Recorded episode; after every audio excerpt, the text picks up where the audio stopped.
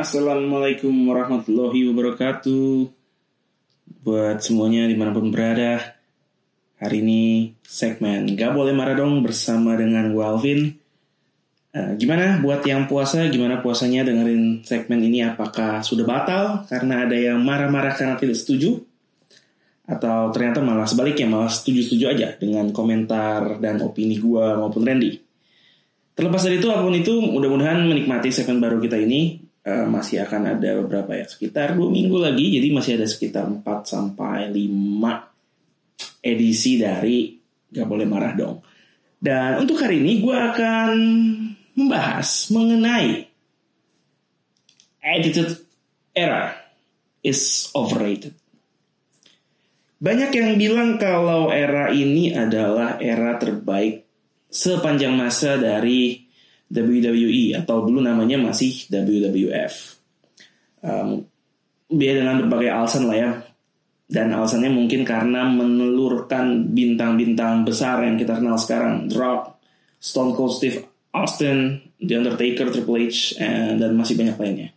Dan karakter Mr. McMahon juga diperkenalkan sebagai uh, the big bad-nya WWE di era ini.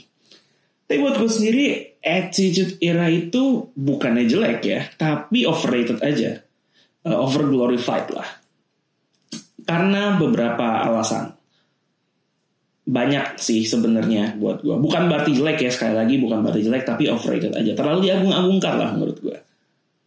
Contohnya, kita bisa sepakat mungkin sama-sama bahwa divisi perempuan di zaman tersebut di era jelas tidak diperlakukan dengan sebaik sekarang divisi perempuannya.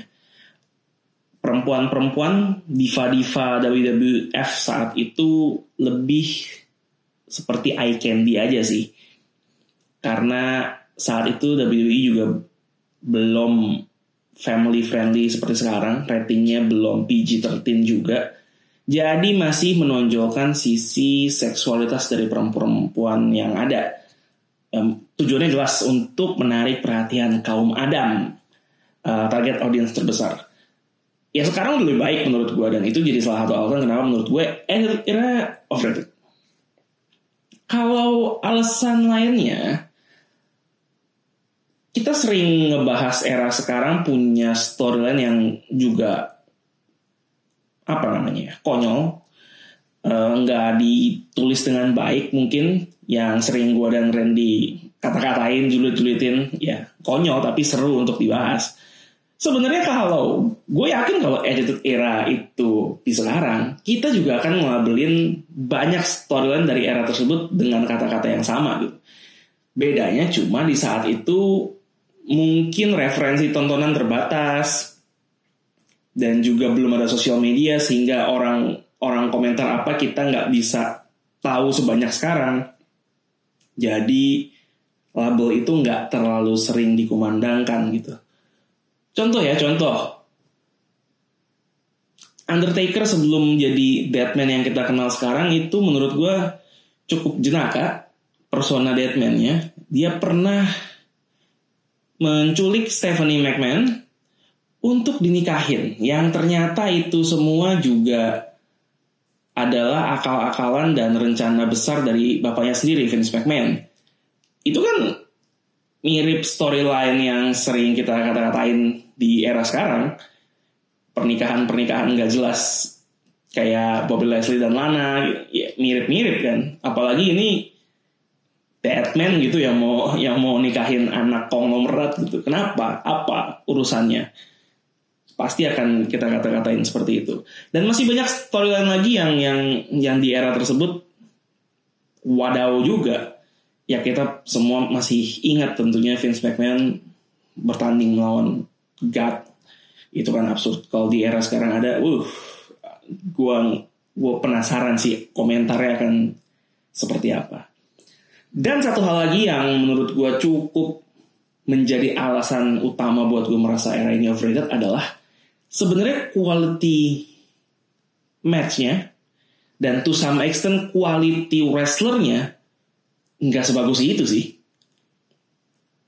Wrestler-wrestler zaman itu mungkin lebih mengandalkan power. Tipikalnya ya kalau nggak brawler mungkin bruiser aja. Dan nggak banyak technical moves yang ada di moveset mereka gitu. Drop. Drop adalah bintang terbesar yang ditelurkan oleh WWE, WWF katakanlah juga. Kayaknya undisputed deh, kayaknya nggak bisa didebat kalau yang itu.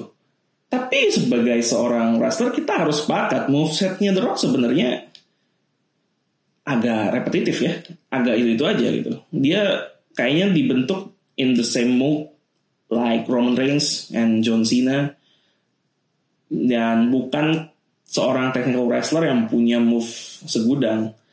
Um, dia lebih mengandalkan karakter work aja gitu. Dan dan it's not a bad thing. Tapi menurut gue untuk kualitas pertandingannya dan variasi gaya wrestlernya jauh lebih baik sekarang dan itu salah satu penyebabnya kenapa ya era overrated ya dulu kita nggak pernah melihat siapa Luchadores gitu mungkin sebelum sebelum Rey Mysterio booming. Atau mungkin itu itu era gue karena masih kecil gue mungkin agak-agak lupa ya. Atau mungkin kalau ada pun yang yang nggak terkenal hanya jadi jobber atau undercarder aja. Jadi menurut gue overrated dari sisi itu. Dan ya itu dia attitude era kenapa overrated? Menurut gue pribadi um, buat kalian seperti biasa di edisi gak boleh marah dong mau setuju ya silakan aja. Bagus gue berterima kasih kalau ada yang setuju.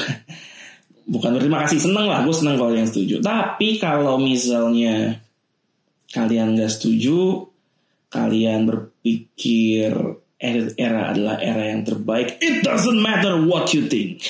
Ya kalau kalian gak setuju ya gak boleh marah dong. Kan lagi puasa